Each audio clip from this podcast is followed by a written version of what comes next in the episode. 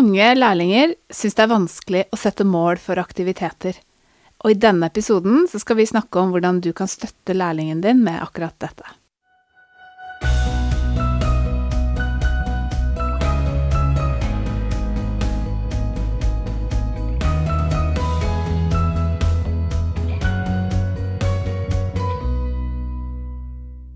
Velkommen til denne episoden av Veilederbua. Vi som sitter i studio i dag, er Tove Hansen og meg, Heidi Bakken Rygnestad. Vi jobber begge ved Opplæringskontoret for helse- og oppvekstfag, og vi lager denne podkasten for deg som er veileder for en BUA-lærling her i Oslo.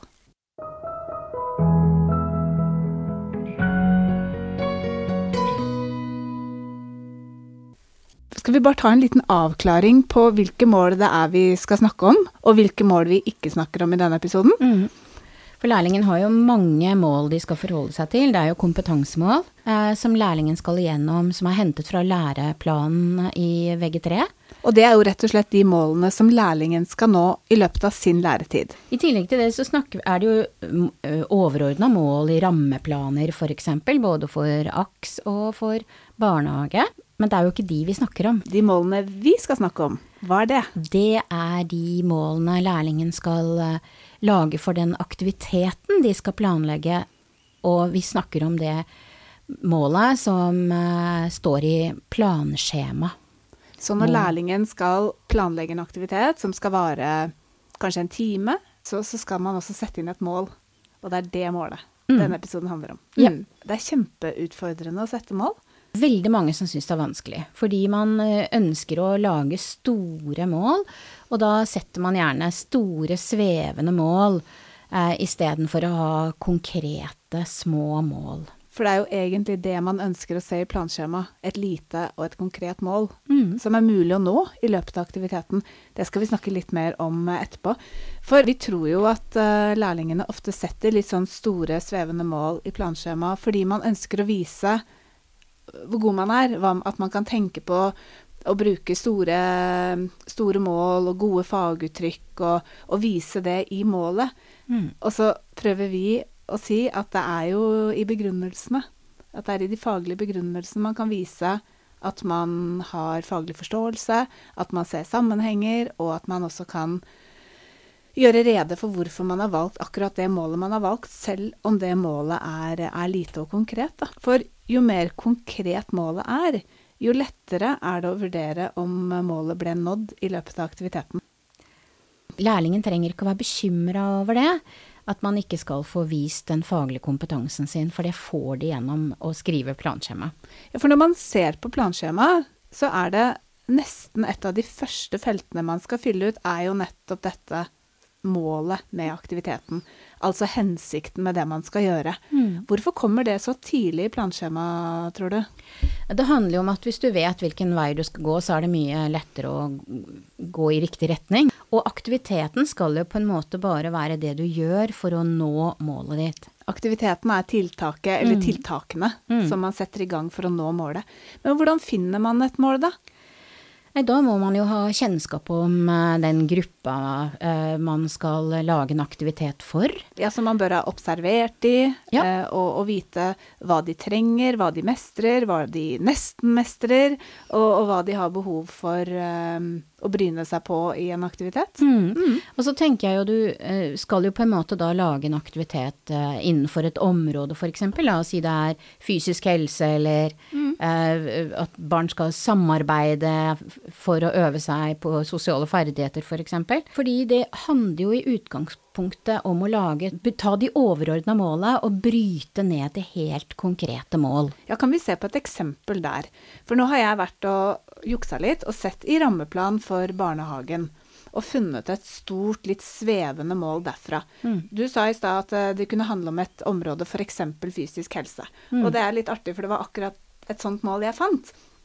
Eh, I rammeplanen så står det at eh, barnehagen skal legge til rette for at barna videreutvikler motoriske ferdigheter, kroppsbeherskelse, koordinasjon og fysiske utfordringer. Det er et ganske stort og svevende um, og lite konkret mål.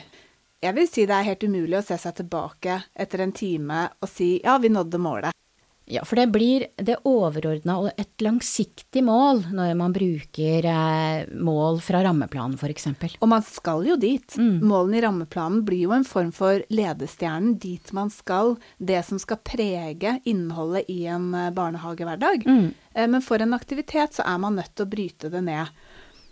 Og da har jo vi gjort klart et forslag på et konkret og lite mål som kan være for en aktivitet. Og det er at hvis man skal bruke det fra rammeplanen om å videreutvikle motoriske ferdigheter, kroppsbeherskelse osv., så, videre, så kan et lite og konkret mål f.eks.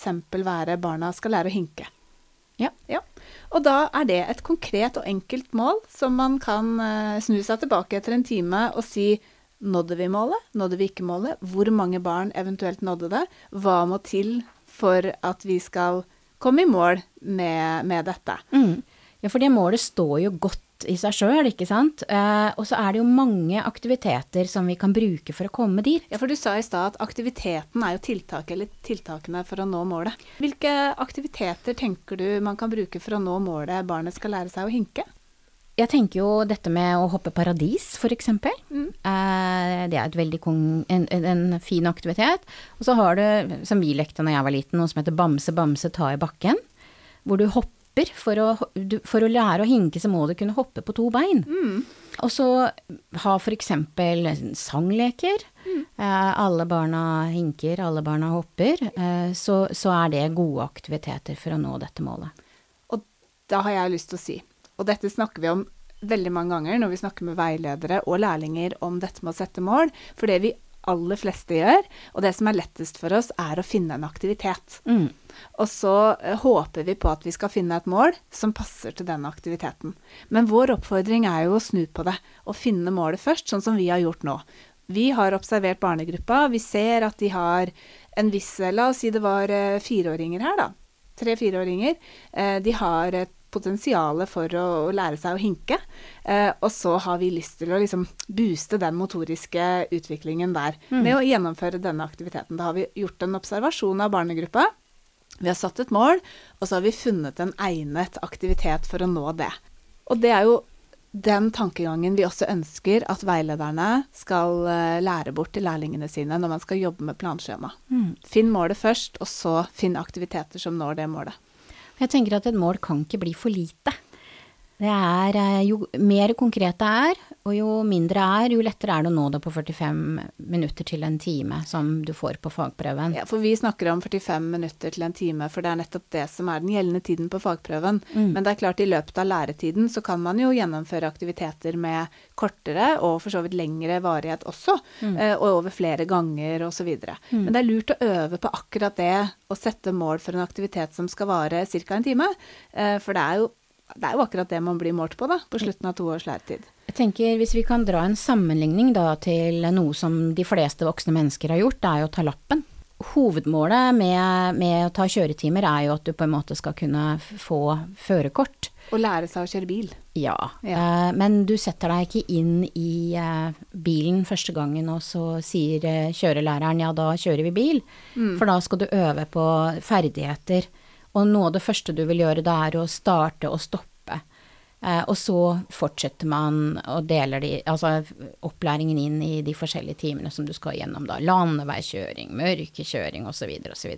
Ok, så det er jo et stort mål å lære å kjøre bil. Mm. Og hver kjøretime er da brutt ned til små mindre konkrete mål. Mm. Og det er akkurat den samme tankegangen vi vil at lærlingene skal bruke når de øver seg på å planlegge. At mm. de ser hvor de skal. De har kanskje et overordna mål det kan enten være det eksempelet vi brukte her fra rammeplan, men det finnes jo også mål i, i barnehagen eller skolens egne planer. Og da må man øve seg på å bryte det ned til mer håndterbare og målbare mål mm. for, mm. for, den korte aktiviteten. Så hvis vi skal oppsummere denne episoden, da, så tenker jeg at vi starter med å si at lærlingen trenger å øve seg på å skrive mål for aktivitet. Videre så er det viktig at lærlingen får observert målgruppa, sånn at uh, lærlingen finner ut hva barna eller de unge trenger. Og så start med målet før du setter aktiviteten når du jobber med planskjema. Tips nummer fire er at målet skal være lite og konkret. Da blir resten av planskjemaet lettere å jobbe seg gjennom. Og så skal lærlingen kunne se seg tilbake etter at aktiviteten har vært gjort, og vurdere om målet ble nådd eller ikke. Og hvis man trenger noen sånne helt konkrete tips til hvordan man kan lage et, eh, et godt mål, så har vi en helt egen episode om det som heter Smarte mål. Så hvis du har lyst til å få litt mer en liten huskeliste nærmest for hvordan man lager gode, konkrete mål, så vil vi anbefale deg å lytte på den episoden.